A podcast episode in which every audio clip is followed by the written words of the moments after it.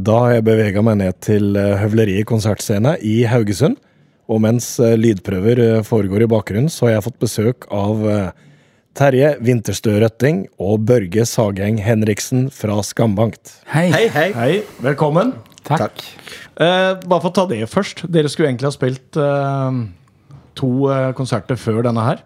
Ja, vi var så glade for at vi endelig hadde fått eh, liksom klar hele denne turnébanneren og fått klarsignal for å dra på tur. Så det, mye til, det har vært mye fram og tilbake med det han, designeren Martin Kvamme i det siste, for det har vært så mye endringer.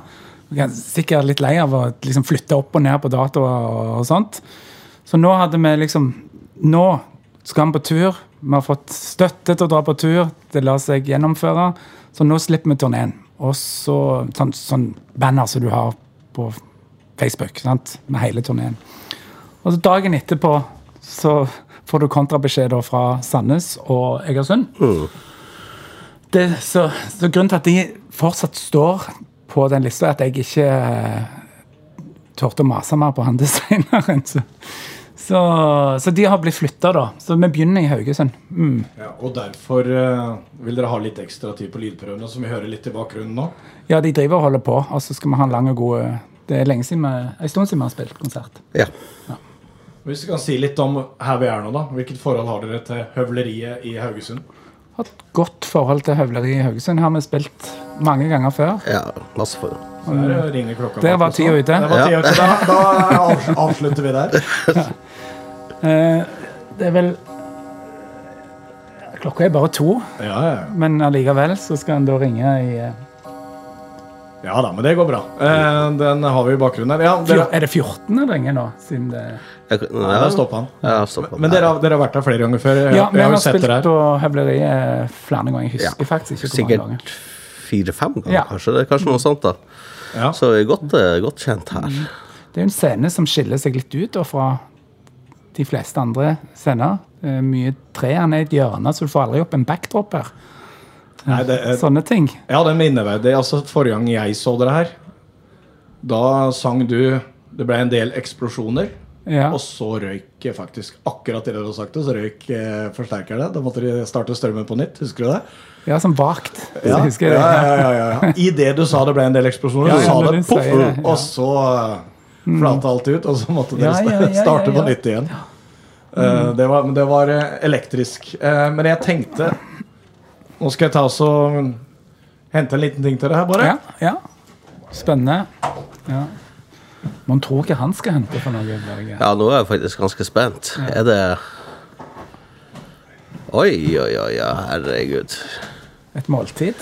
Et lite måltid, ja. Tusen takk. Vær så god. Har du bakt? Nei, det har jeg ikke. Eh, Men det var jo hyggelig. dette her er eh, Skal vi bare Det smake? er bare smake. Vi har jo, vi har jo kokk på besøk, Børge. Ja, Eh. stemmer det. Så jeg kan, jeg kan si litt imens. Eh, dette her er eh, faktisk brød brød som er bakt av en lokal kar som heter Kjartan Kjetland. Og det er lagd på mesk, altså Altså ølting. ølting fra bryggeriet her Ja. vi sitter Ja, nå. så kult. Så han har samarbeid med Bjørn Dybdahl her på Høvleriet og har eh, lagd det. Og så har jeg tatt med olivenolje som uh, broren min importerer. Og litt reklame for han òg. Den var god. Ja, det var veldig god. Hva slags merke er det? Dette, her- dette her er fra Planeta, eh, som har lagd denne. Ekstra, ekstra virgin olivenolje fra Planeta. Som eh, Gaia-gruppen importerer broren min, og reklamen der. Ja, ja. Men jeg, tenkte Det på er dagens sponsor, det. Nei, det er mye. Jeg har ikke spurt den på forhånd. Men, eh, Men nå kan du det. nå kan jeg det. Ja. Men jeg tenkte siden vi, vi har en kokk på besøk, Ja. så, eh, Det var veldig god. Og det er godkjent. Ja, så er det kjempegod. godkjent. Ja. Over til plata dere er ute med nå. Ja. Gjærtegn, som eh, kan være fra gammelt av betyr varsel, det kan bety tegn. Dere er fra Jæren. Og så var tanken bak tittelen. Nei, det er som du Altså, ei plate trenger en tittel. Ja. Og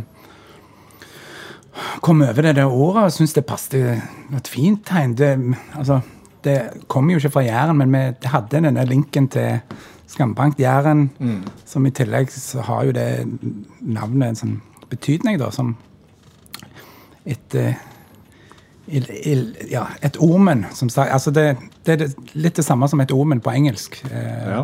Syns det var flott, flott ord. Synes Det passer litt sånn tematikken på, på platen og tiden man er i. Og, ja. Hadde dere, For et par år siden så kom eh, 1994. Hadde det blitt et nytt akustisk album nå uten covid-19? Nei, det hadde ikke det. Vi ombestemte oss eh, ganske tett opp til studioperioden i fjor sommer. Da hadde vi egentlig klar ei rockeplate vi skulle spille den. Men så skjønte vi jo det at eh, 2021 kommer ikke til å bli et normalår, det heller. Så da, og da, da hadde vi fått noen gode erfaringer med de eh, konsertene vi gjorde på 1994. Det med å spille for sittende publikum. Men, men det, ikke, det frister ikke å spille liksom, rockeshow for sittende publikum. Så vi begynte å bli litt sånn komfortable med den der litt nedpå greia når først ting er som de er. Så da bestemte vi oss for å, å gå videre den retningen, da. Men ikke gjøre det likt. Men eh, eh, har åpna for mer elgitar og sånt noe, men ikke, kanskje ikke så mye fuzz og vreng som vanlig. Men vi ville ikke lage helt like plater. Så jeg, du sier akustiske. Ja, det er akustisk gitar, men Hans Egil spiller nesten ikke akustisk gitar på denne plata i det hele tatt. Nei. Og det er med, dere har gjort, lagt på andre ting òg i forhold Ja, til forrige det- hva, hva har dere gjort der? Det er litt, det er litt sånn større, større lydbilde. Ja, Synt er det vel òg der Ja, innimellom? Ja. Mye, mye, mye tangenter og mye Vi har prøvd å, å Ja, vi har sånn subtile lyder som eh, vi også har brukt en del av, som bare ligger i bakgrunnen der og, og jobber og pynter og gjør, gjør stemning, gir stemning til det. Vi har, vi har utforska litt mer, rett og slett. Så, så der, der ligger liksom mye sånn mye bare sånn stemning rundt musikken som, som Ja. Det Ja. gjorde vi ikke sist. Nei, men hvor, hvor mye hadde dere gjort eh, Altså Jeg sier akustisk, da, men nedstrippa, da, kan jeg si. Eh, Før forrige utgivelse, før 1994, hvor mye hadde dere gjort av det? Jeg har, jeg har kun sett dere Det, med hadde- fullt trøkk. Det hadde vi ikke gjort mye av. Det hadde Nei. vi gjort veldig lite. Hvordan, hvordan var den eh, overgangen? For dere som musikere? Nei, den var ganske stor Det var det absolutt. for oss alle. Og Ja, Har, de- har dere utvikla dere nå? Eh, vil dere si det? At dere har, som, som musikere av dette her? ja, jeg har blitt bedre til å spille kassegitar. Ja. Du har Jeg blitt ekspert på å spille svakt. Ja, det er jo en helt ny eh, ting, da. Og, Det er jo motsatt av det Ja, ja. Altså, det, det er jo motsatt av det vi har gjort før, på en måte. Ja, Dette. ja, det, er det. Børge, jeg har jo sett du blitt omtalt som norsk rocks God of Thunder i, uh, i, i, i, opp, opp i Tromsø, i avisa der. Ja, ja, ja. Så da tenker jeg Ja, nei, det, ikke, det tordner ikke akkurat i dag, men eh, jeg, jeg, tror, jeg tror man blir bedre å spille av, av å gjøre sånn. Å gå ut av eh, den komfortsonen, da. eh, Ja. Det var helt nytt for meg, i hvert fall. Så eh, ikke akkurat sånn kjempeselvtillit i begynnelsen, men det, det gikk seg gradvis til, og nå føler jeg meg mye mer komfortabel i det formatet, liksom. Som enn jeg gjør. Ja. Så er det jo noe med det at vi har holdt på i ganske mange år. Um, og andre driver jo og spiller i forskjellige band og har får, får dekka andre behov, da. Så vi har, vi har på en måte starta et nytt band i bandet. Ja. Ja. Eh, fordi at eh, det, det skulle være noe helt annet. Men, Ja, men det, ja, unnskyld. Ja. Så, så istedenfor å liksom sette sammen no, Begynne i andre band og eh, bli, måtte bli kjent med nye folk og sånt. Noe, så så eh, tok vi den utfordringa. Og vi, vi gjorde det jo i forbindelse med bandet sitt sånn 25-årsjubileum. At vi ja, tenkte det var Vi kunne få lov til å gjøre noe litt annet. Men, men litt tilbake til den spenninga, Børge. Altså, var dere, kjente dere litt på den der nervøsiteten som dere hadde da dere var yngre? Da dere skulle gå på scenen første gang med litt nedstrippa? Altså for, for min del så har jeg faktisk eh, så ikke noe, Nervøsiteten har bare aldri avtatt. Det er liksom samme. Uansett hvis jeg skal spille en eh, rockekonsert eller det her, så er det ca. det samme. Altså jeg blir ikke, Det blir ikke kvitt det. Hvordan arter det seg for deg, da? Nei, jeg bare er litt sånn litt spent eh, liksom før og, og så hvis, det er ordentlig, hvis det er ordentlig store konserter, da kan jeg liksom Da kjenner jeg meg kanskje litt sånn dårlig form, eller altså det jeg blitt, Blir jeg syk nå? Er det det, er det det som er? Er influensa, det her? Jeg kjenner meg litt sånn uggen ryggen og sånn. Så etter jeg er ferdig, så ja, det var nervøsitet igjen. da. Så, så jeg blir ikke, det blir ikke jeg blir ikke kvitt det på det viset. Men jeg sier jo det skal være bra, da, så får jeg bare leve med det. Erfaringene i forhold til, til publikum, da? Mottagelsen der? Det var veldig fint. Folk vet jo hva de skal på. Så en er innstilt på det. Eller nei, det er en konsert folk ikke visste hva de skulle på. Det var Haugesund sist, på Flytten. Og da var det en gjeng. Det, det husker vi fra den turneen, for der var det, det var en kompisgjeng på tre-fire stykk Mm. som, som hadde tenkt de skulle på Skambankt rockekonsert.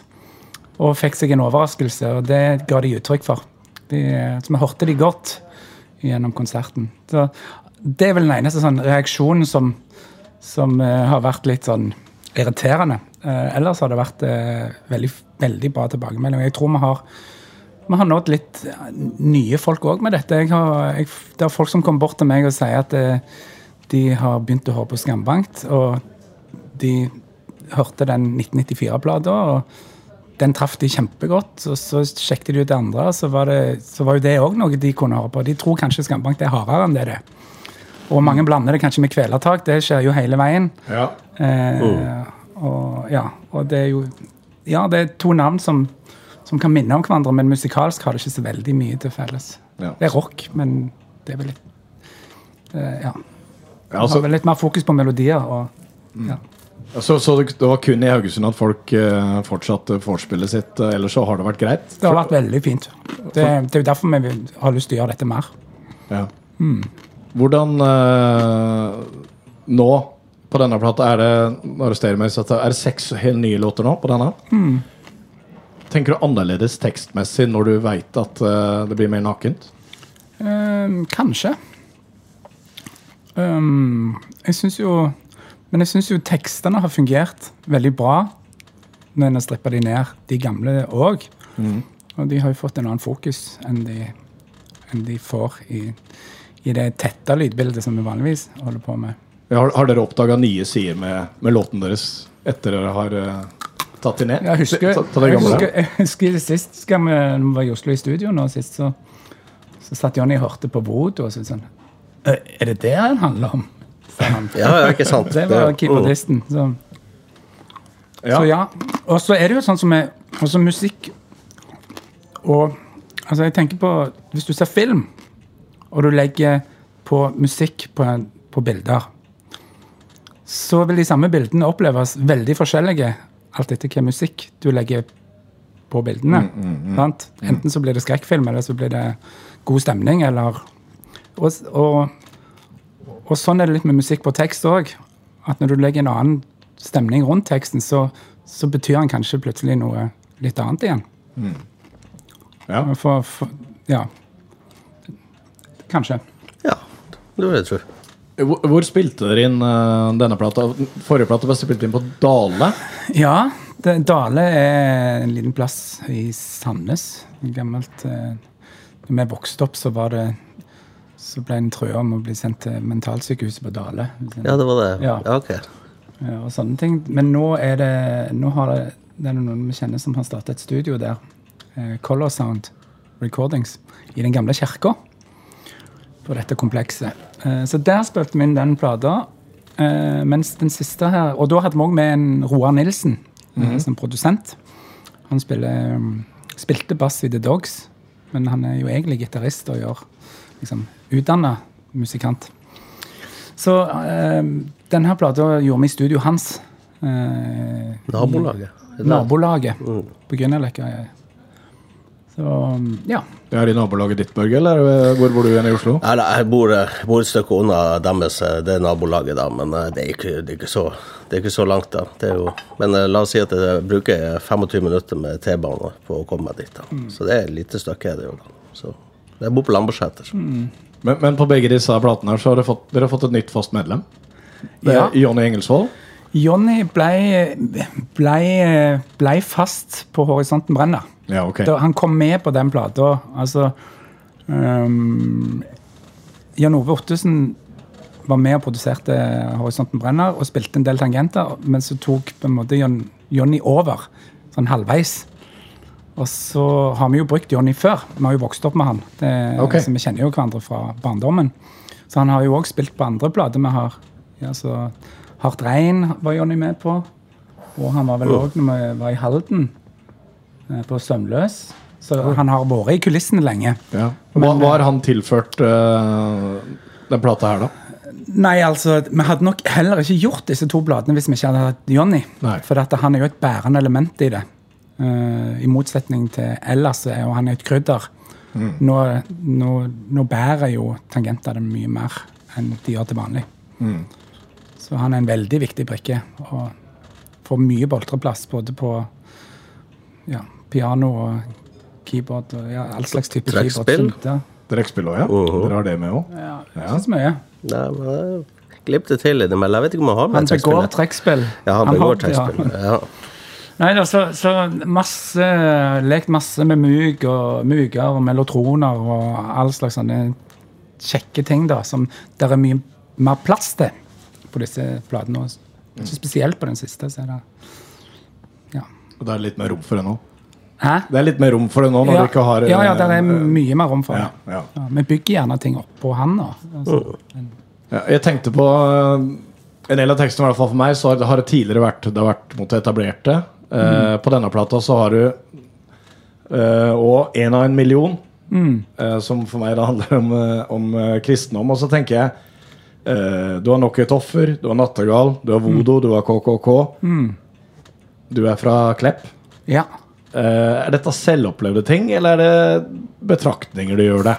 Nei, den en av en million, den eh, ligger ganske nært eh, en oppvekst. Ja. På hvilken måte da? Nei, jeg, jeg, jeg, jeg Altså, når du kommer fra en liten plass, så er det ikke så mye å finne på. Så det er jo klassisk. Enten så går du på fotball, håndball, fritidsklubb, eller hvis det er ikke fritidsklubb, så er det kanskje et bedehus eller en menighet eller noe sånt noe. Og det var, det var det jo mm, Det var det jo i Verdalen. Eh, Så på fredagen da vi var unge, så gikk vi liksom på Ebenezer og, og, og fikk bolle og brus. Lærte å spille gitar. Eh, Så det, alt var jo veldig sånn fint og harmonisk når en, er liten. Og så, så blir en eldre, og så blir det stilt andre krav til deg, da. Mm. Og da, da, ja, da blir du enten eller så stikker du. Ja, men dette her med du synger om at den musikken deres, den uh, satans verk, holdt jeg på å si. Fikk dere høre det direkte? Ja, jeg, noe så, ja jeg, jeg husker altså, Den refererer til en episode på en, en leir, en leirskole vi var på.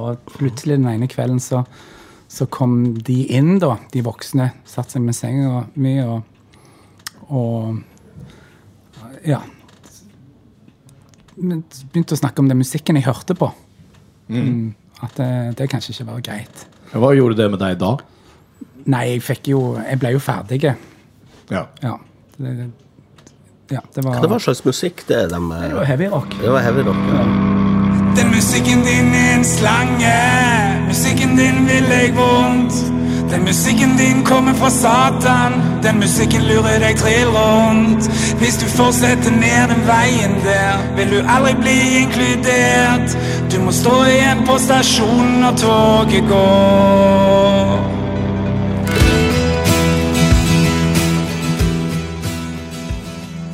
Ja, det hadde, var jo litt i vinden der. Jeg husker jo også det var en video som eh, en kamerat av meg fikk tildelt av en eh, slektning, som skulle liksom forklare hvorfor eh, rock eh, var satanistisk og, og livsfarlig, da.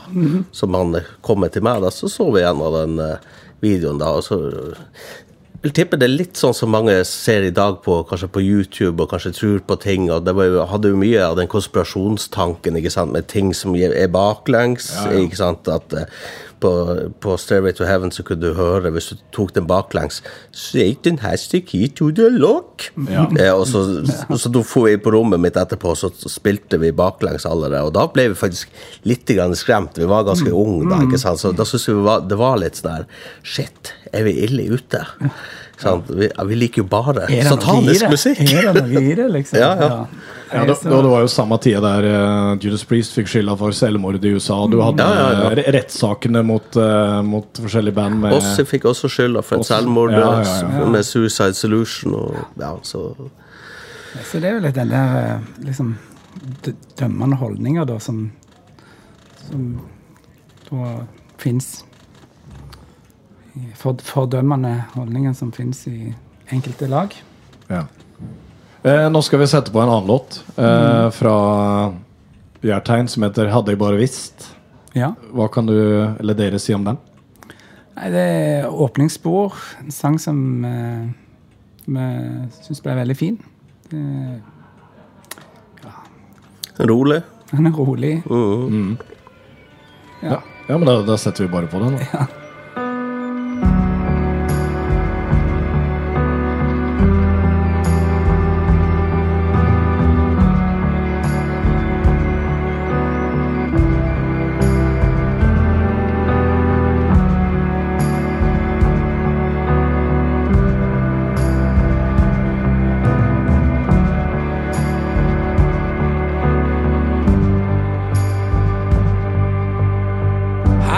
hørt på det de sa om deg, hadde jeg hørt på det og tatt det til meg, hadde jeg hørt dette på magen min, prøvd å fortelle meg ting. Hadde jeg visst mer, så hadde jeg latt være.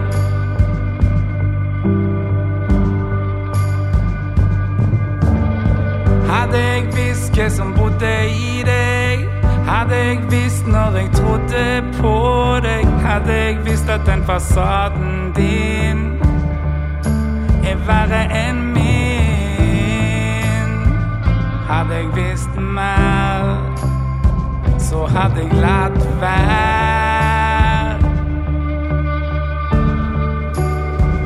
Å, smyger kan være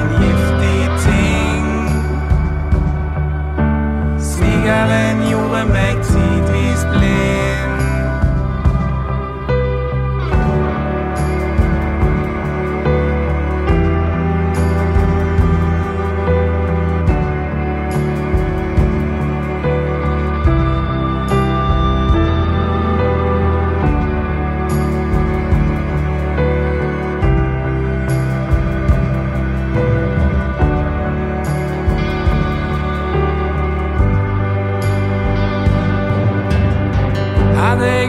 Visst at du brente broer, hadde jeg kjent når du trykte på skoen, hadde jeg stoppet før det gikk for langt.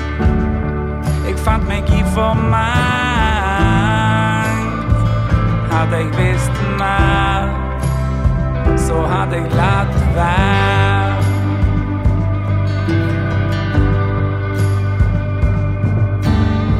Hadde jeg visst mer om din moral, hadde jeg visst at du var en som hadde jeg visst du var så falsk som det, sa bare det som skulle til.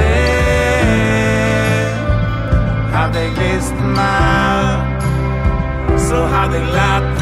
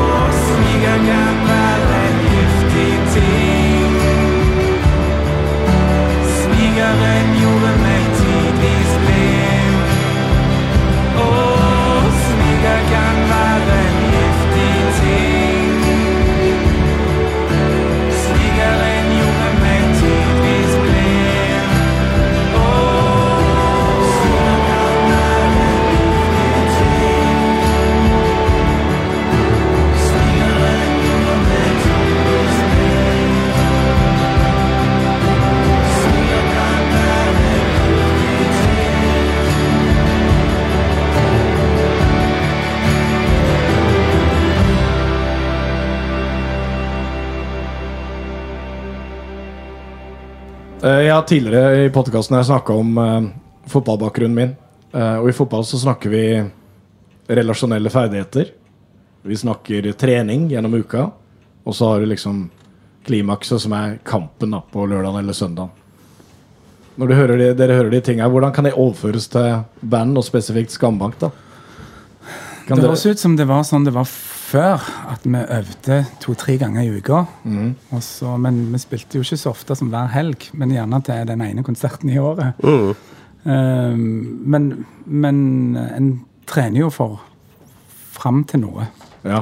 Uh, Og det er mye mer som ligger bak enn bare den eh, Ikke bare, men enn en selve konserten. ja, herregud. Jeg tenker jo på dette kanskje fire timer hver dag. Ja. Hele veien, selv om jeg ikke spiller. Ja. Lage sanger, planlegge turné, tenke artwork. Um, ja. Det er, det er enormt mye som ligger bak en plateutgivelse og en konsert. Så mye forberedelser. Når dere er på scenen nå, er det ting dere har jobba veldig mye med, eller kommer mer intuitivt nå enn det gjorde da dere var yngre? Um, det har Altså, det som skjer på scenen, har vel egentlig alltid bare blitt til. En øver ikke på hvordan en skal oppføre seg på scenen. Eller jeg tenker aldri på hva jeg skal si, for da, da begynner jeg å knote og bli nervøs, og så glemmer jeg jo alt jeg tenkte jeg skulle si.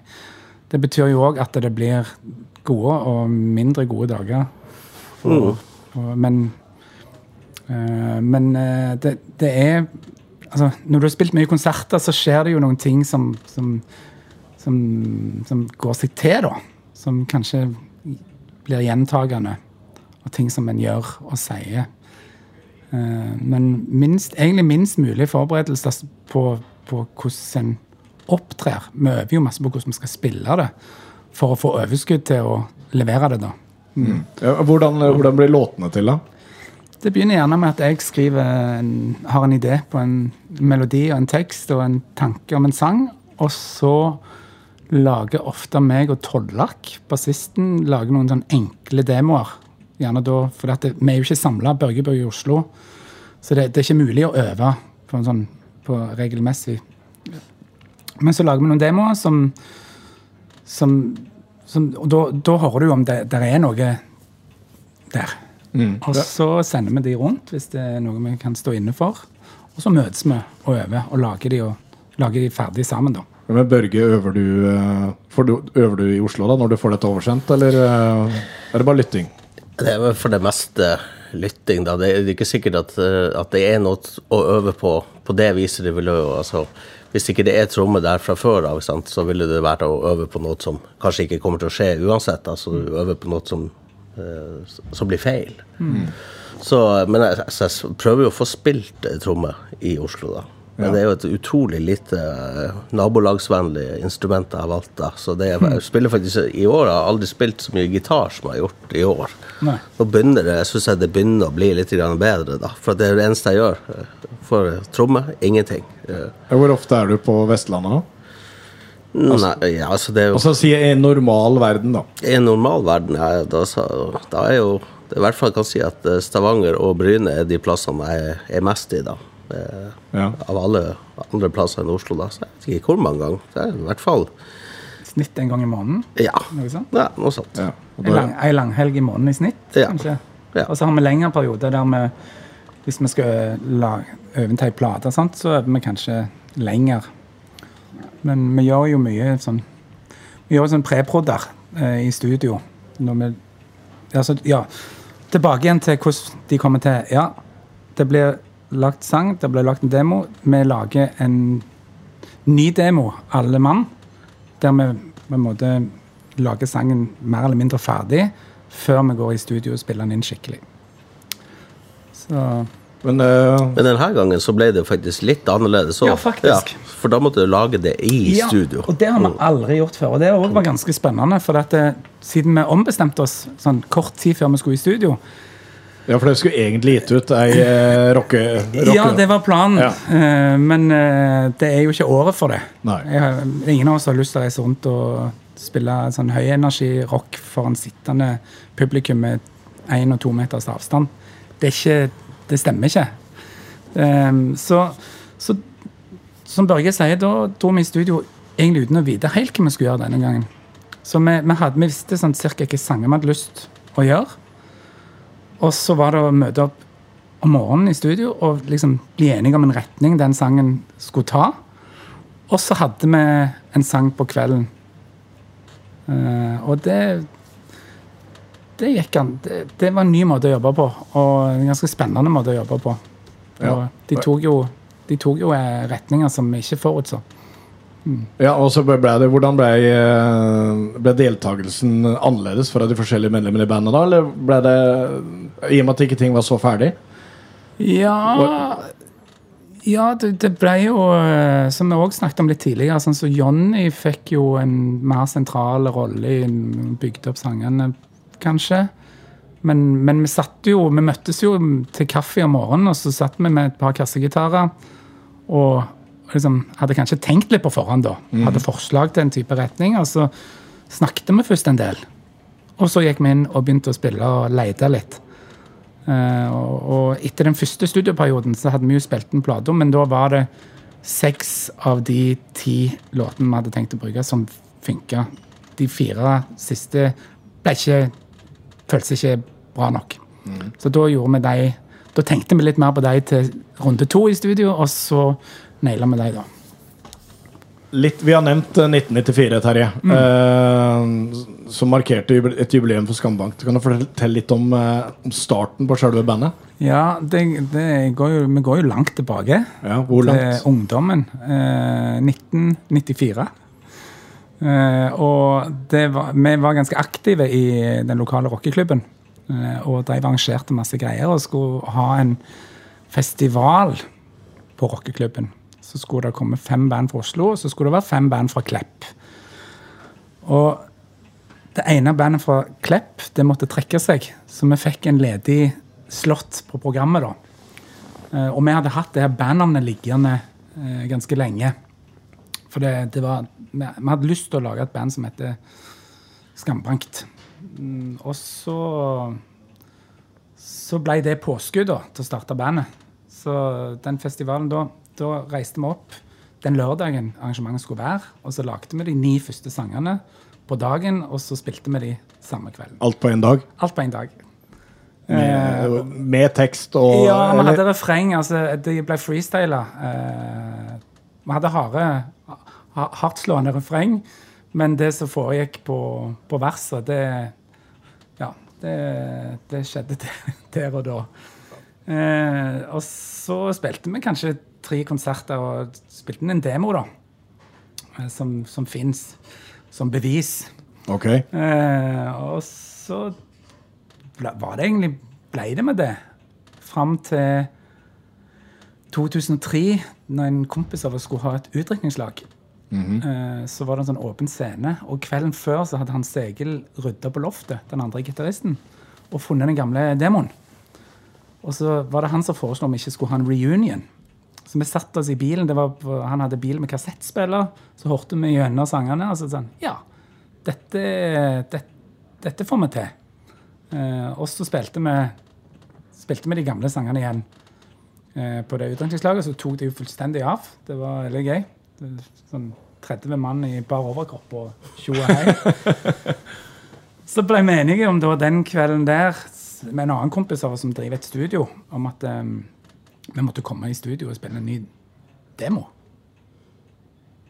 For eh, dette var jo litt kult. Og da hadde jo jeg hatt et par år med liksom, etter det tok av med Keisers Orkester. Så det var, det var så deilig å bare blaste med så mye gitar og vreng som overhodet eh, mulig. Um, så det sånn, det ble en sånn ventil da, til å begynne med. Så lagde vi den ja, vi lagde den demoen, og så havna den demoen hos et Tuba Records i Oslo, som da ville gi ut Skambankt. Og da hadde vi vel kanskje Ja, vi hadde vel et sånn lite år på oss til å lage den plata, da. Men, ja, så, og da derfra så, så Ja, og da var det egentlig det var, Vi har aldri hatt noen sånn langsiktige planer Nei. det bandet der. Det har egentlig bare vært en sånn Den grå, stygge andungen, på en måte, i forhold til alle de andre bandene vi skulle klare det med. Og så er det jo det vi sitter igjen med, da, som, som ble noe. og som har vokst seg svært. Som har vokst seg ganske stort, ja. Men jeg, jeg sa jo hvor langt tilbake, for jeg veit at tre av dere Ja. kjenner hverandre ennå før det. Eh, det er du og Tollak og Hans Egil. Hans Egil og Tollak, ja. Ja. Fra, fra Klepp, eller? ja. Og da, da begynte dere å spille sammen i 12-13-årsalderen, var det? Ja, sånn, Hans Egil er litt jeg, eldre? Jeg, jeg begynte å spille med- Jeg klarte å mase meg inn i bandet til Tollak og de. Eh, han var ett år yngre enn meg. Han gikk på barneskolen, og jeg gikk på ungdomsskolen. Og i min klasse og på mitt trinn så var det ikke noen som spilte, men jeg hadde veldig lyst til å spille i band. Så hadde jeg hørt om disse folka på barneskolen som, som spilte i band da. Og det var jo Altså, det å gå ned et klassetrinn er jo én ting, men å gå ned liksom, fra ungdomsskolen til barneskolen, det er et ganske langt og Det er det. Det er langt ydmykende steg. Ja. Men jeg tok jo mm, mot til meg og ringte på døra en ettermiddag hos Tollak mens de satt og spiste middag. Jeg husker det kjempegodt. ja. Han kom ut, ja, Vi kjente jo ikke hverandre. Spurte om jeg ja, sa det, jeg hører dere spille i band, og kan jeg få bli med? Så, så litt sånn nonsjalant. Sånn, ja, hva du spiller da? Nei, jeg spiller gitar. Nei, vi har nok gitarister. Liksom. Men på et eller annet vis så ble det en audition der og da. Så jeg, han inviterte meg inn på rommet. Så jeg skulle liksom vise hva, hva jeg kunne, da. Han dro fram en rosa sånn Charvel-gitar. Eh, og så, så kunne jo jeg power chords. Og det kunne ikke han, eller? Det, altså, de kunne absolutt ingenting. Jeg kunne bitte litt. Ja. Så, eh, så jeg tror han ble imponert, og jeg fikk, eh, fikk jobben. jeg fikk være med. Så, så fra den dagen så har jo meg og Tollak vært bestekompiser, da. Mm. Og så Hans Egil spilte i en del andre band. Han spilte annet i det bandet som trakk seg. ja han, det, han var med der, ja. Han var med i det. Ja, det var et band som heter Close Distance. ja. Og de kunne ikke, så han, så han, eh, han kunne jo bli med og spille tromme. Han var jo egentlig gitarist. Mm -hmm. men han ble med på tromme da, i første versjon av Skambank. Så var det en trio. Så, men det var veldig bra miljø der på Klepp rockeklubb. Så det, han er jo et par år eldre igjen. Men, men det var Og det, det gjorde ingenting, for det, det er ganske stor forskjell i den alderen her. Ja, det er det. Men det var greit for han, liksom? Ja, det var veldig sånn Veldig sånn inkluderende og bra miljø. Altså, det, vi fikk lov å sitte og se på når de eldre bandene øvde, og de hang nå med øvde, og det var og det var veldig sånn sunt og bra miljø.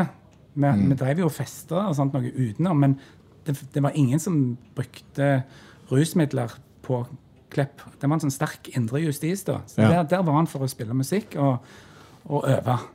Eh, veldig fine tid, altså.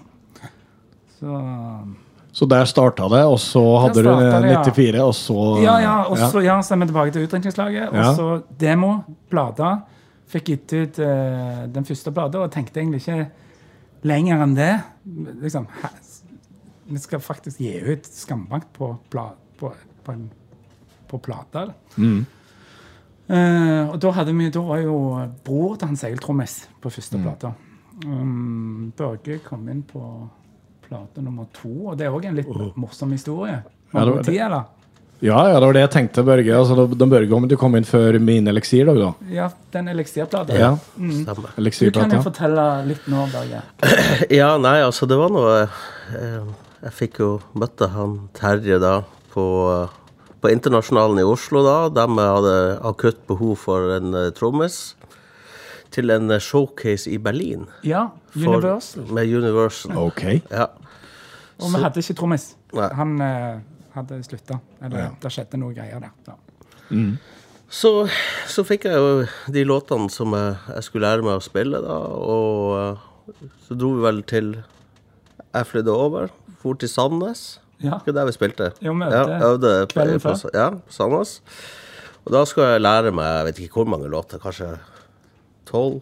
Ja, noe Ja, sånt. ja, noe sånt. Det var jo, og det var jo mer å lære seg enn jeg egentlig hadde forestilt meg. Når du hører på noe, og når du skal faktisk utføre det, det er liksom to forskjellige ting, da. Da, da sitter ikke minnet like godt. da. Så jeg var meget nervings når jeg skulle spille i, eh, i Berlin, da. Eksi eksisterte bare Eksisterte Brut Bugaloo da? Ja. Som du spiller i utenom? Ja, Det, det, okay, ja. det eksisterte. Det var vel egentlig bare snakk om at du skulle hjelpe oss som vikar Ja, ja. den jobben. Mm, for at det var så Ja, det var jo en slags knipe, da. Ja, og vi kjente jo ikke heller Børge. Vi hadde bare fått et tips. Og så hørte vi Brut Bugaloo, og så tenkte vi å, fy faen. ja. Vi spør han. Ja. Ja, så da, da var det så da var det i Berlin. Det var vel en del andre band. Var kanskje et dansk band og uh, Et sånn skandinavisk Ja, opplegg. ja, Skandinavisk show- showcase. Ja. Mm.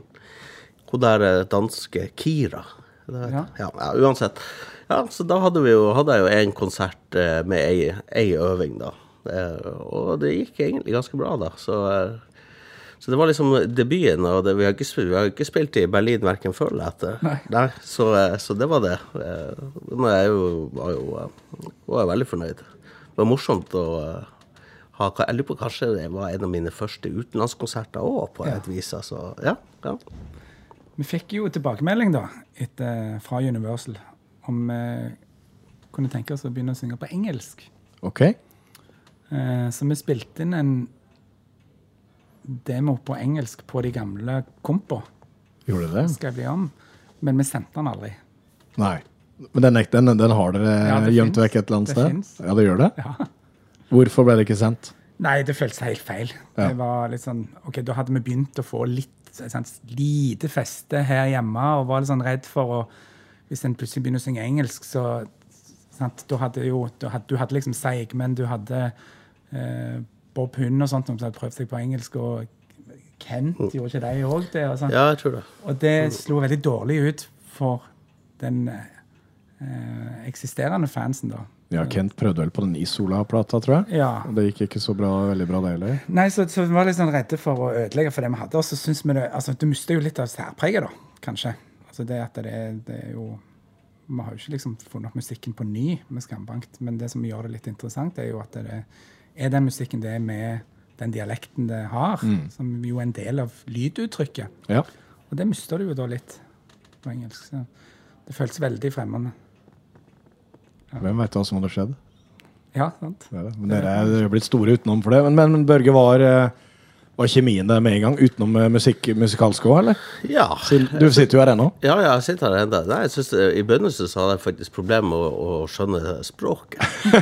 For Terje bodde jo på den tida i Oslo, da, så han hadde kanskje blitt litt avslepet og lært seg å, å snakke bare litt eh, sånn at man Litt tilpassa. Ja, litt tilpassa, så du tar ikke de vanskeligste ordene. Men da jeg kom hjem til han og hans foreldre, når de prata, så er jeg i lag. Satt der. Hva sa- verdens navn var det ikke? Det skjønner ingenting. Det var det som å være et annet land. Ja, ja, det var det. Så det var en, det var en veldig morsom opplevelse. Så hvis men kona mi har jo så mye slekter fra basically samme plass eh, som, som de kommer fra, da. Og svigermor er fra Jæren, så, så det har jo det har blitt mye Jæren og, og Vestlandet for min del i, på mange vis, da. Så Du har ikke begynt å skare ennå. ikke begynt å skare ennå, men eh, det kommer kanskje etter hvert. Og uh, dattera mi begynte å skarre i, i uh, begynte å si 'eg' og, og sånn etter vi hadde vært eh, på felles ferie, da, så det ja, det? Ja, ja, ja. Kom hjem og så 'eg'. Ja. Ja. ja, da har jeg døtre som har vokst opp her i Haugesund. Og det rulla de litt bærende til å begynne med da de var små. Så du, du får litt sånne, sånne påvirkninger. Men nå, nå når dere er her eh, og er på turné, er det buss, eller? Ja. Det er, det er par år siden, for et par-tre år siden, par år siden starta en, um, en fyr på Ålgård, et sånn Nightliner-selskap. Så da ble det plutselig aktuelt. Før har han jo måttet hente det fra Oslo. Da ble det sånn ekstra reisedøgn Ja. som du betalte for for å få bussen over. Eller så måtte du reise. Altså, så det har, det har vi funnet ut. Det, det er um, en enormt grei måte å reise på. Hvordan, hvordan trives dere sammen i buss? Nei, det trives kjempegodt.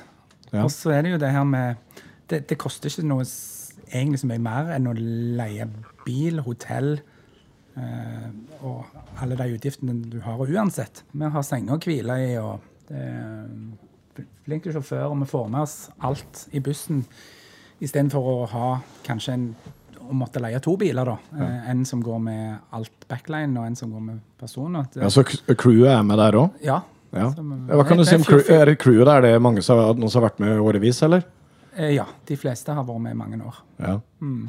Finner vi noen vi liker, så tar vi vare Så, så, så blir de. Ja. Men det, det at så mange av dere kjenner hverandre fra dere var barn, Mm. gjør det at det er lettere å, å tolke hverandre når det, når det er tid for å ha litt rom for seg sjøl og sånne ting? ja, det tror jeg absolutt. Mm, En har jo på en måte lært folk å kjenne veldig godt. Og, og vet hvordan folk er, vet hva du kan forvente av, av folk. På godt og vondt. Ja. Hvor forskjellige er dere der, da? For eksempel dere to. Er dere Er det den, de som sitter og prater? Børge, er du, eller er det den som vil ha litt tid fra sjøl, eller? Vi pleier ikke å legge oss først. Nei, det bruker, bruker å være en eh, Det er noen som alltid legger seg tidligst, og så er det noen som alltid legger seg senest. Og sånn, eh, det er visse, visse forskjeller, da. Men eh, ofte så er det jo ganske altså, god stemning i, i bussen. Og det er jo to, to etasjer er det òg, så at det går an å ha to separate fester hvis det er det om å gjøre der. Hvis noen har lyst til å spille høy musikk, kanskje i overetasjen, og noen har lyst til å Gud vet hva de har lyst til. Men eh, altså, Ja. det er stor buss, da. Ja, så, men, men dere tilhører de som eh, sitter litt oppe?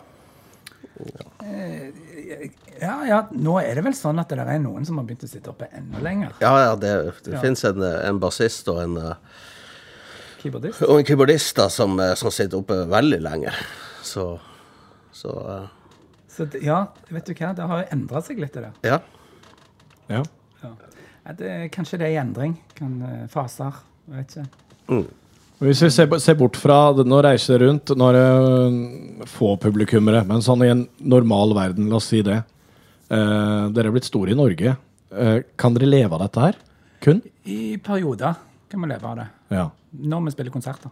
Utenom, Terje, hva har du gjort da? Jeg har en dagjobb, en veldig fleksibel dagjobb. Eh, Så jeg eh, jobber for et trykkeri som eh, lager etiketter til ja, garasjebryggeriet. Ja. Eh, altså øl, mat, ost, drikke Ja, alt er jo Altså alt, alt som trenger sånne etiketter, trykker vi det da til. Så, og jeg, jeg fikk jo jeg, jeg begynte å jobbe der fordi at vi spilte på åpning av en fabrikk oppe i Gauplusta med Sandbankt. Mm. Og da hadde jeg en ledig høst, og så er jo dette altså De som driver digital etikett, heter det. Det er jo det er veldig sånne musikkelskende rockefolk. Så de hadde jo booka Skambankt til åpninga fordi at de likte bandet. Det ble, ble en veldig god fest. Jeg reiste hjem en, eh, med, Med jobb. med jobb fra så, Og den, det er fem-seks år siden. Og, og har en veldig grei arbeidsgiver som eh, jo ønsker at jeg skal drive med musikk ja. og ønsker at vi skal gi ut mer musikk. Så jeg, jeg har en stor frihet, så derfor er det veldig godt å ha, ha en sånn jobb. Det er jo fantastisk. Børge, kokk. Mm. Hvor mye kokkelerer du? Nei, altså nå er det, Jeg var litt eh, heldig, egentlig, for at jeg hadde jo først et eh, Da koronaen begynte, da, så fikk jeg meg et vikariat rett før der. Og så nå har jeg faktisk blitt fast ansatt. Eh, og det er jo Så det har vært en velsignelse å gå på jobb hver dag i, ja.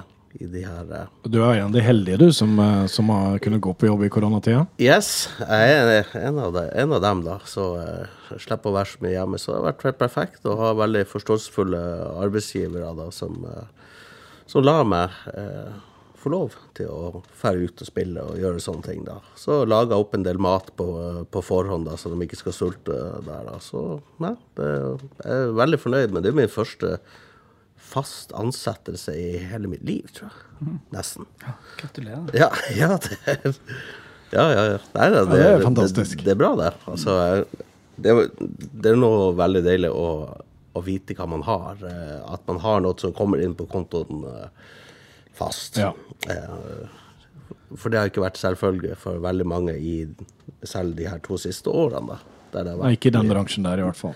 Nei, nei, nei det, Eh, Og så har jeg sett at du for fornøyelsens skyld legger ut sånne retro-oppskrifter på Facebook. Hva er, hva er greia der? Nei, jeg vet ikke hva, hva greia Det var bare en tilfeldighet. At jeg, men jeg har jo på en måte vært in, interessert i, i, i liksom gammel mat og gamle oppskrifter og Altså Det er jo morsomt. det, det er morsomt, og det er altså, Det er mye med banan der, har jeg ja, sett. ja, mye skinkebananer og Ja, altså, det er Altså, den eh, mat, maten som kanskje ble lagd liksom på 70-tallet, mye aspik Det virker som du bare eh, i hop noe, og så lager vi noe av det her. Det, er jo, det finnes jo sa, hele salater som er bakt inn i aspik, liksom. Det er så- det er fylt inn i aspik. Så det er det, ja. Vi hadde jo et sånt fjernsynskjøkken med Børge på den ene livestreamingen vi gjorde. Ja. Da, da Børge lagde sånn en mat. Hva, husker, Basert på de der gamle korta. ja, husker du hva du lagde da? ja, jeg lagde en rett som heter Admiralens hatt. Ok, Og det er Det kokte blomkålhode smurt inn med majones og krabbekjøtt. Og, og så stikker du eh, reker inn i, imellom der. Eh, og så er det da litt eh, Ja, jeg, jeg pynta det også litt, men det skulle egentlig ikke være pynt. Det skal liksom være blast. Ja, men du ville, du Ja. ville piffe det opp litt? Jeg jeg, og så lagde jeg kaffeflesk, da.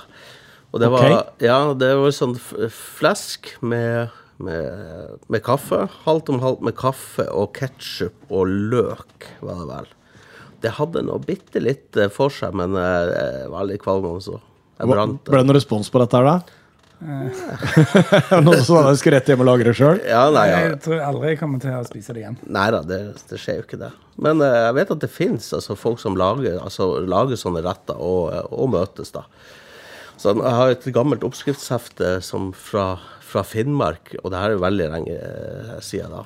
Sånn, eh, der noen har vært og samla besteforeldre og sånn. Og der er det jo altså enormt mye innmat. Mye blod, eh, blodmat. Altså du har liksom blodbollemelk. Eh, det er blodvafler av sel. Eh, det er snetitting. Eh, ja, altså, ja, stekt, eh, altså, stekt snetitting. altså, det er helt utrolig hva folk har spist før. Altså. For de som ikke veit ja. hva snetitting er, var det? Nei, det er en liten spurv, tror jeg. Det er en liten spurv, ja. Ja. Så det spiser de. Eh, ja, altså eh, opp, opphakka strupehode av eh, kyr, f.eks. Det var en egen. Jeg tror lurer på om det heter gitter. Okay. Det er så groteske navn, harde navn på det. Og, ja. Så det er mye, mye godt å hente der. Også, ja, hvis Og er jeg- flinkere til å ta vare på hele Bruke hele dyret før. ja, ja, Kan, og, vi kan si det når vi hører dette her.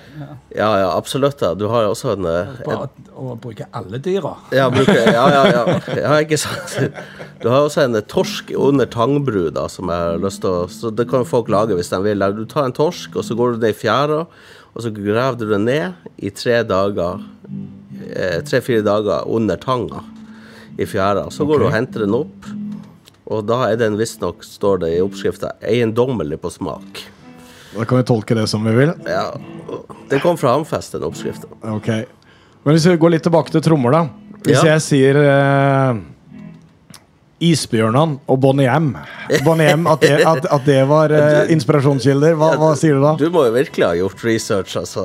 Ja, ja, det var det. Begynte med, begynte med Spilte i korps i syv-åtte år, Ja. For det er Isbjørnene, det er korpset i Hammerfest. Ja. Ja. Det var en gang et enormt stort og anerkjent korps, men da jeg begynte, så var det ikke så stort, da.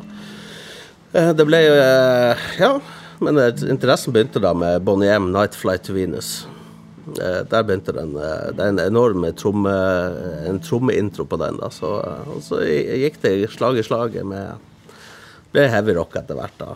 Kiss og Iron Maiden og ja. Men, men Bonnie M var faktisk eh, Det var startskuddet. startskuddet. Og det vet jeg også at han Bjarte Tjøstheim har hatt akkurat samme opplevelsen. Han spiller jo tromme. Ja. og Han har også hatt altså For jeg tror det, The Night Flight to Venus var ei sånn plate som kanskje alle foreldre kanskje hadde litt, da. Ja. Det er jo den med Rasputin på, Ja, ja, og den der så eh, Og mye Bonnie M og Bakkara i eh, hjemma på den tida. der, Ja, ja, ja, absolutt. En og annen Rod Stewart. Ja, hos eh, foreldra- foreldra våre. Ja. Ja. Så eh, der, det begynte med det, og Village People synes jeg også var ganske rått. da, Spesielt at de hadde jo Det var jo én indianer i bandet. En, eh, en som jeg trodde Som jeg tenkte Han må være motorsykkelmann, men det viste seg jo at det var jo homo han skulle være. Ja. Men jeg visst, skjønte jo ikke det da. Jeg tror ingen av oss skjønte. Nei, nei. jeg har, den plata har jeg òg, der Ja. det står framme på coveret. Men, Ja. ja, ja, ja. Og en hadde sånn god drink i handa. Det var det, det man trenger. altså Man trenger det som ung, da. Det var de coverne som gjorde det. Så, ja. Men da du var ung, så kjøpte du ditt første trommesett. Mm. Ja, og hvordan frakta du det hjem? det må du fortelle om. Ja, nei, det fikk jeg. Jeg kjøpte også en uh, søstera til en kamerat. Uh, frakta det hjem på ei snøskuffle. Er det midt på vinteren her nå? Ja, ja, ja. Ja. Eh, Midt på vinteren. Jeg husker det sto Toto på frontskinnet der. Tydeligvis noen som var glad i det. Men på ei snøskuffe, altså. Ja, ja, ja. ja. Kjørte ned fra, fra, min, eh, fra det ene huset til det andre, da. Der hun hadde det stående da. Jeg husker bare at det, eh, det var i en, en kjeller med et enormt isbjørnskinn eh, der. Ja, ja, det var nå ikke så deilig, da. Men i hvert fall begynte der. Det settet er borte. Dessverre. Jeg vet, jeg, jeg vet faktisk ikke hva det var for noe ordentlig engang. Nei, men Det er borte, men så har jeg hørt, har du kontroll på alle trommesetter rundt omkring i Norge? Du har, det går rykter om at du har trommesett uh, forskjellige steder i, i landet? Nei, men jeg har, jeg har det meste her. Jeg, jeg- nei, jeg har jeg har halvt om halvt. Oslo og Stavanger, da. Hvor Ja, kan okay. dra det frem og tilbake. da Men så, det er ikke sånn at jeg har ett trommesett i hver havn. Eh, Det er ikke, det er ikke sånn. Nei, så det er litt overdrevet, det, altså. Men dere har julebord for trommiser. Ja, det har vi. Det har vi. Hva hva er dette for noe? Det er en hel haug? Ja, ja, det er, en, eh, det er hvert år. I år ble det jo avlyst eh, som for første gang, tror jeg. Det var jo trist. Men nei, det er et, eh, kommer folk fra hele Norge for å være med på et trommisjulebord. Er på Kampen Bistro. Man kan spise hvis man ønsker, da. Det er valgfritt. Og så drikker man, og så er det en enorm quiz. Og, det, og da er det trommequiz, eller? Er Det det, er trommequiz, og, okay. og kan, være, kan være veldig vanskelig trommequiz òg. Det var ve- veldig vanskelig sist gang, da. du er trommeintroer og hvem som spiller på Ja, ja. her? Og noen ganger så Ja. kan det være så, såpass komplisert at det bare det står et noteark. Hva er det her? Og da er det kan plutselig en jævel som klarer å si det her er overgangene til Tom Sawyer i- på den og den Rush-låta. Det er det. Okay. Ja. Så det er mange som kan det. Jeg er ikke så veldig god på, på Jeg gjør det ikke veldig sterkt på trommekvisten, men jeg har jo mine styrker, da. Men du har, har du vært på vinnerlag? Ja, ja. Ja. Det var det sist. Men Det som er viktig med quiz, utfyller hverandre, vet du. Ja, ja, dem Ja, absolutt. Nei, altså, jeg, jeg liker trommejulebordet veldig godt. Vi, sist gang så var det vi også faktisk var det et seminar først av eh, en som kaller seg for Drum Doctor. Ja. En amerikaner som har eh, levert trommesettene til eh, nesten alle de største innspillingene, som som Metallica, Black Album, Nevermind og alle. Og der har han snakka litt om eh, ja, om stemming og forskjellige typer eh, ja, historier, røverhistorier. Liksom. Han er Traveling Wilburys. Han kom inn der. Skulle bare levere et trommesett, og så er hele Traveling Wilburys uh, sitter Oi, der, og han uh, George Harrison hjelper å bære, og det er jo en uh, absurd, eh, absurd forsamling mennesker i et rom, da, når du skal eh, sette opp. Ja. Så. Det, var, det var helt strålende. Trommejulebordet håper jeg Så er det jo et fellesbilde. Ja. Og så er det forskjellige folk hvert år. Altså, folk reiser fra Hammerfest ned for å være med på trommejulebordet. Og så, ja, så det er skikkelig Det er koselig. Og så er det ikke så mye det er ikke så mye sånn trommeprat heller, alltid. Altså, det er ikke sånn nerding eh, som kanskje Kanskje det er for noen, men det er bare en ganske gemyttlig, eh, hyggelig kveld. Men hva- hva gjør det med deg når du sitter bak trommene? Hva, hva, hva- Nei, det er jo Det ble jeg funnet ut i dag. Nå er det lenge siden jeg har sittet så veldig Ja. mye bak trommene, og det merker jeg på humør, rett og slett. ja, så nå er du litt tilbake til det vi, litt spent, det vi snakka om i stad? Ja, jeg, jeg, jeg, må spille tromme for å trives eh, Ja. veldig. Altså, jeg merker det hvis det har gått lang tid siden. Til og med kona kan noen ganger si at prøv nå å få spilt litt. Prøv nå å dra og spille litt, eller altså Du merker, altså Noen må ha den løpeturen, du må tromme. Ja. Ja. det, det, er en, det er et utløp for et eller annet. Ja. Jeg elsker det. Det er ikke aggresjon eller noe sånt som det er utløp for. Det er bare jeg elsker det. må gjøre, må gjøre det for å ha det bra. En mening. Gjesten anbefaler. ja, Terje, du ville begynne? Ja, anbefaling. Ja, ja. ja. Ja, altså det, det var jo helt åpent, dette. Dette er åpent, her kan det være hva som helst. En kan anbefale musikk eller en reise eller en plass. Hva eller du vil. En matrett. Kanskje Ja. en matrett, siden vi har snakket så mye om mat. Ja, og da vil jeg, eh, da vil jeg anbefale baconfarse i to brød. Det er en eh, rett som står veldig sterkt på Jæren. Jeg tror det er den mest spiste lunsjretten på, på Jæren. Okay. Og du må ha den i to brød, for ellers blir den ganske sånn massiv, denne farseburgeren. Ja. Og Den er veldig stor og oval. Ja, og han har da Hvis skal du gjøre det helt sånn autentisk, så skal du ha ketsjup og Piffi på. Ketchup og Piffi. Ja. Det vil jeg anbefale. Har du noe Jeg, jeg, jeg må også si at jeg bruker å ha litt løk til eh, den der uh, farsa. Så det er ketsjup, piffi og litt løk, da. Og du, Men hva- du som eh, kokk kan ja. skrive under på den anbefalinga. Jeg kan si at, eh, at eh, det- det er en rett som på en måte når du, har- etter du har spist den, du kanskje ikke føler deg bedre. Altså, det er jo det er noe med Altså, den er veldig god, men den er jo veldig feit. Og, Men du gjør det igjen. Ja, men jeg gjør det, gjør det, gjør det igjen For, og for litt dårlig samvittighet Ja, ja, etter, er etter å ha spist den? Ja, det, det melder seg litt sånn eh, typisk, kanskje litt skam Ja. etter du har spist, hvis du har spist opp begge Ja. to. da. Hvis du klarer å stoppe før, så går det greit. Kanskje du bare spiser den ene, det hender det jeg gjør. Og da Mm. Føles det ikke så Så for de som har ligget på sofaen eh, på julaften etter å ha spist altfor mye pinnekjøtt eller ribbe, så er det litt den samme følelsen? litt den samme følelsen. ja. Ok. Og jeg husker jeg spesielt en gang jeg var på festival. Jeg spilte på festival på Bryne, og da var, er det jo faktisk, var det jo servert eh, farsekake. Det her var når det var på mølla der. ja. Og da kom han med eh, et helt brett eh, som eh, Når det var liksom over for den eh, kvelden, da. eh, Da kom han med et helt brett med farse. Og da var jeg jo eh, ganske bedugga og ganske sulten, og jeg kunne spise så mye jeg ville. Det angrer jeg veldig på neste dag. Fordi at eh, Altså, den halsbrannen der var helt legendarisk. Ranglerock er jo en festival på Bryne. Ja. Veldig bra. Ja. Eh, De, har det, de selger det da som festivalmat. Det er deres varemerke. Det er òg et sånn farse, Jæren farselaug. Mm. Lag. Laug. Ja. Det er nok laug, sikkert. Ja. Ja. Facebook-sida som eh, Det der er Ja. Ytrer stor kjærlighet til fersen. Ok, men da vet vi det. Da er det baconfarse med to brød. Ja. Og det, det er viktig å ikke spise for mye om gangen der.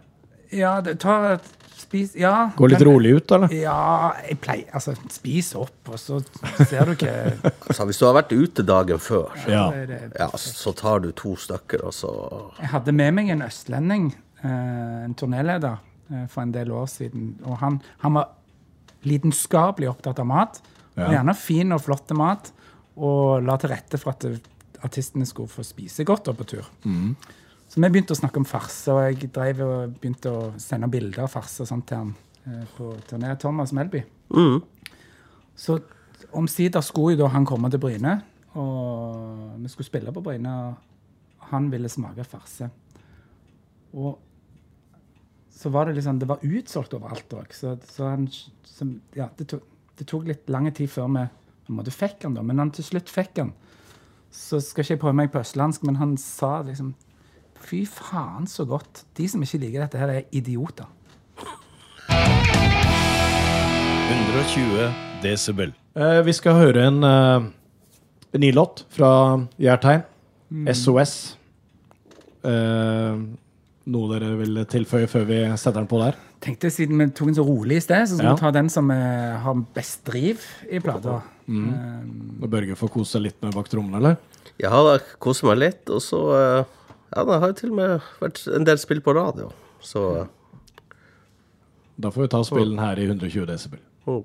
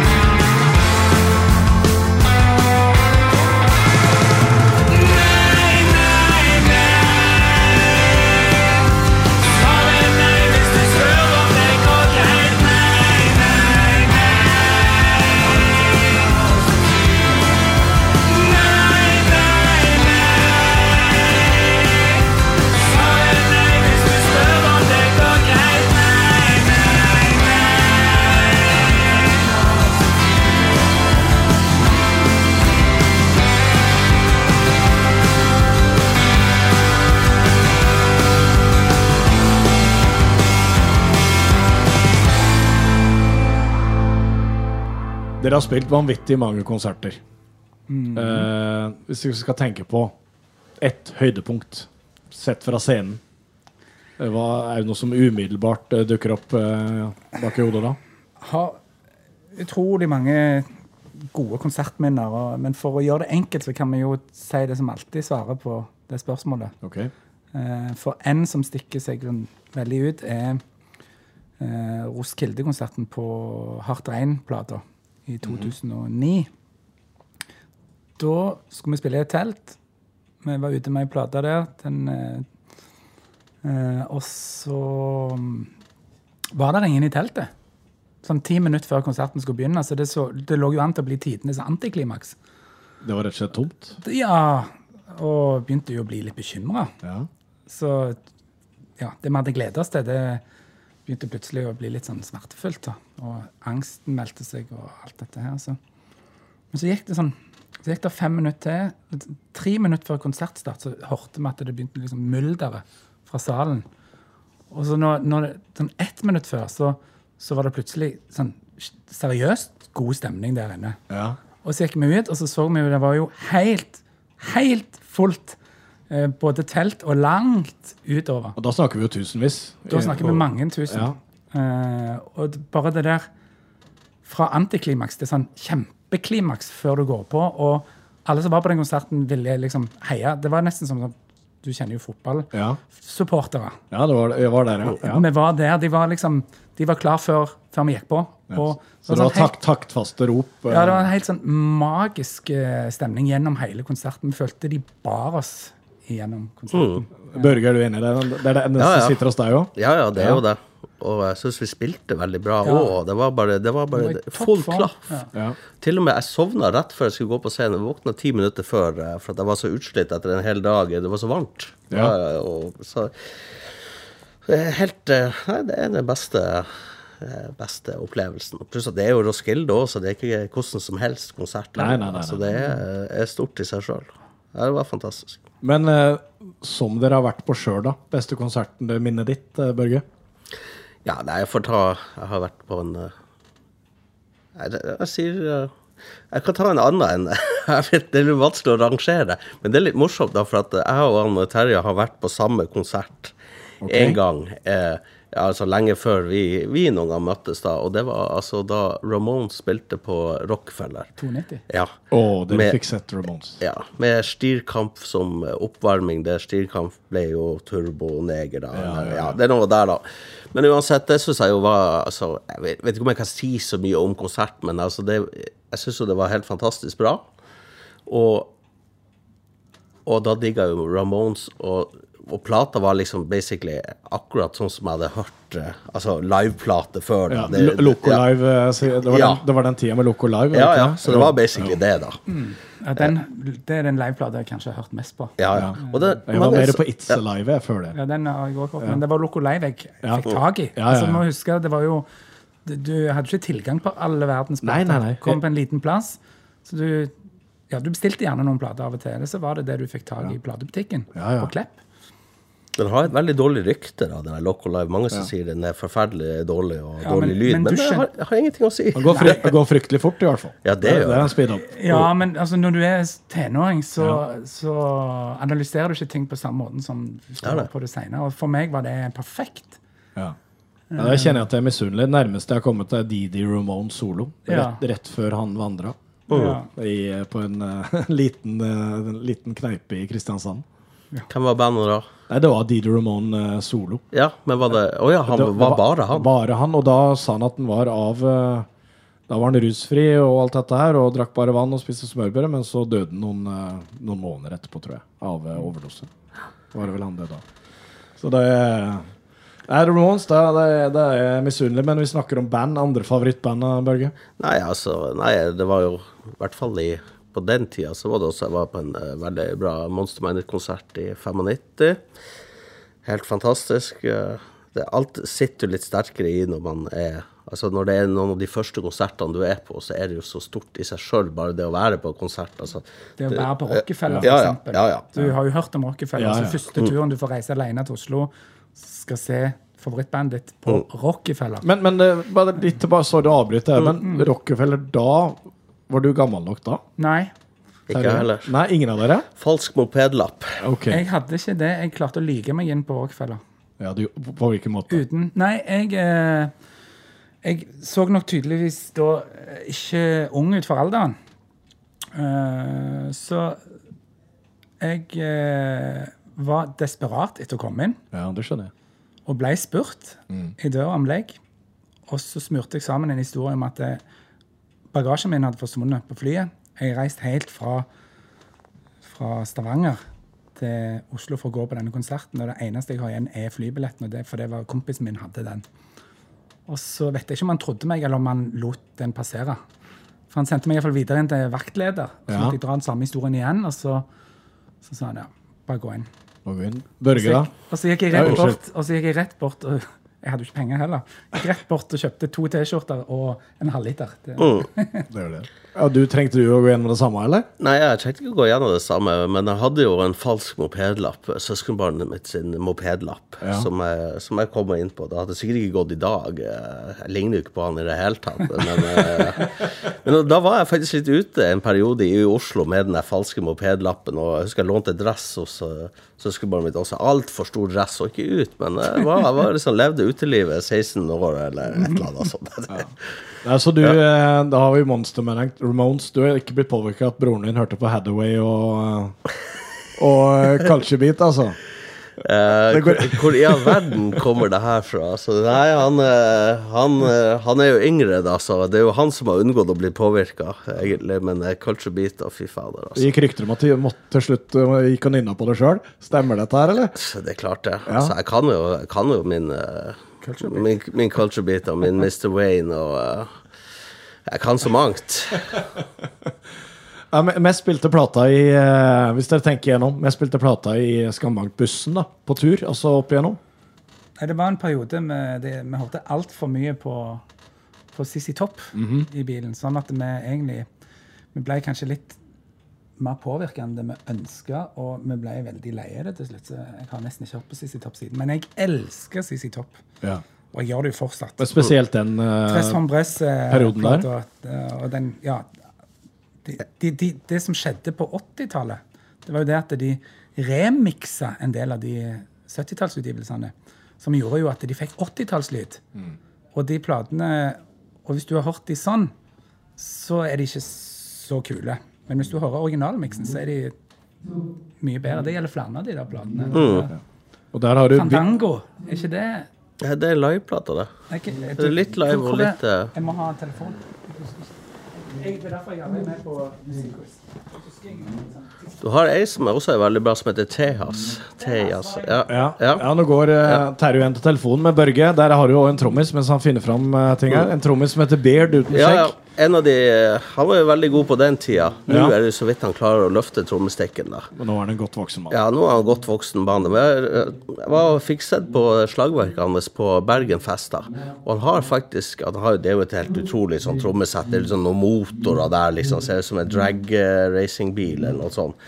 Men bak der så har han også et sånn enormt stort askebeger, så han, så han kan drive og sigge mens han I, eh, i trommesettet. ja, i trommesettet. Liksom i rekket, på en måte. Så.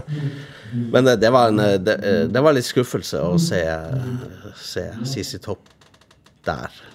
Både lydmessig og, eh, og sånn. Men det er så gammel, gammel CC Topp, og egentlig 80-talls CC Topp liker jeg òg. Ja. Jeg liker Sharp Dressed Man og Give Me All Your Lovin' og sånn. Ja, ja, Ja, ja. ja, ja, men de som var lagd for det formålet, Ja, ja, ja. det er jo eh, ja, helt topp. Men de som ble miksa Ja, ja. Sånn. til 80-tallet, det er ikke så bra. Nei, apropos lyd, så nå jo- holder de på nede og har lydprøver. Ja, det begynner å dra seg til. Nå Nå ringer Ja, backline-tekniker og sier eh, at vi skal ta, ta litt grann til her nå, så tar vi eh, Bare ta, ta kjapt, da. Pansershot, hva er det for noe? Pansershot det er vel det Hans Egil drev og drakk før han oppdaget sterkøl. Han ble, han ble ikke full på vanlig pils og likte det ikke så godt. Så det er vodka og eplejus. Ok, da vet vi det. Uh, ta en siste kjappe der før vi runder av. Siden dere får telefoner fra, og nå må dere innfinne dere på scenen. Ja, Uh, MC Bolle. ja det er um, Det er aliaset til, til Tollak. Han er en dansk rapper. Og Og var egentlig sånn Ja, ja han er en dansk eh, Tollak som dansk rapper. Ok, I hvilken anledning ble dette her eh, det var sånn tenåringsopplegg. Ja. Med, Skrev han også leserinnlegg som MC Bolle? ja, Ja. ja. Nei, det, det, var, det var Når vi var i studio når vi var yngre, så hadde vi, spilte vi inn de sangene vi skulle spille inn, og så sånn på natta siste dag, hvis vi hadde tid, så gjorde vi et eller annet flipp. Så vi har vært innom en del sjangre, og dette var sånn Cypress Hill-aktig, sånn fattig Cypress Hill-aktig House of Pain eh, okay. med dansk rap, Ja. som var pitcha opp. Fins dette? Ja, vi har lagt video på utdrikningslaget til Tollak, så fant vi fram igjen den gamle, for den fins. Ja. Så lagde vi musikkvideo der vi ba alle, alle i dette tilfellet ingen hiphopere om å ta på seg hiphopklær. Så det, det ble veldig flaut. Og så lagde vi en musikkvideo. Den fins. Den kan du få se. Og så tar vi det siste. Altså Nå er det turné. Dere skal uh, spille fra Jærtegn og andre ting. Men neste plate med full trøkk fra Skambakt, når kan uh, fans vente seg det? Vi har booka studio i september. Så neste år. Neste år? Da håper vi jo at alt er tilnærmet normalt igjen, og at vi kan reise på en skikkelig skikkelig turné. Ja, da, At dere kan blåse det dere vil ut fra Ja, det, det som jo er litt eh, det er sånn, En konsekvens av dette her, en positiv eh, konsekvens, er jo at det, vi kanskje setter, vil sette enda mer pris på det vi holder på med, og gjorde før disse to platene, Ja. enn hvis vi bare hadde liksom fortsatt. Vi har hatt en liten sånn avbrekk, og det blir sinnssykt digg. Og jeg har jo ikke spilt elgitar på to år nesten. Så da, da, da, da var neste spørsmål mitt om de to siste platene vil få noen påvirkning på, på det dere gir ut nå, men jeg tror det kanskje bare blir det, det blir øs. Ja, det, blir, det, det er litt vanskelig å si Ja. det blir, men det blir jo ei, en helt annen type energi. Det vet vi. Så må vi finne ut hvor vi skal hen. Vi har en del demoer og en skisse, og jeg jobber med ting kontinuerlig nå som forhåpentligvis skal bli nye sanger. Da gleder vi oss til det. Og så eh, må eh, dere, Terje og Børge, ned på, på lydsjekk. Jeg sier tusen takk for at dere kom på besøk til 120 Desibel. Ja, Eh, lykke til med konsert i kveld og videre turné. Takk. Og så Takk. gleder vi oss til å høre mer fra dere.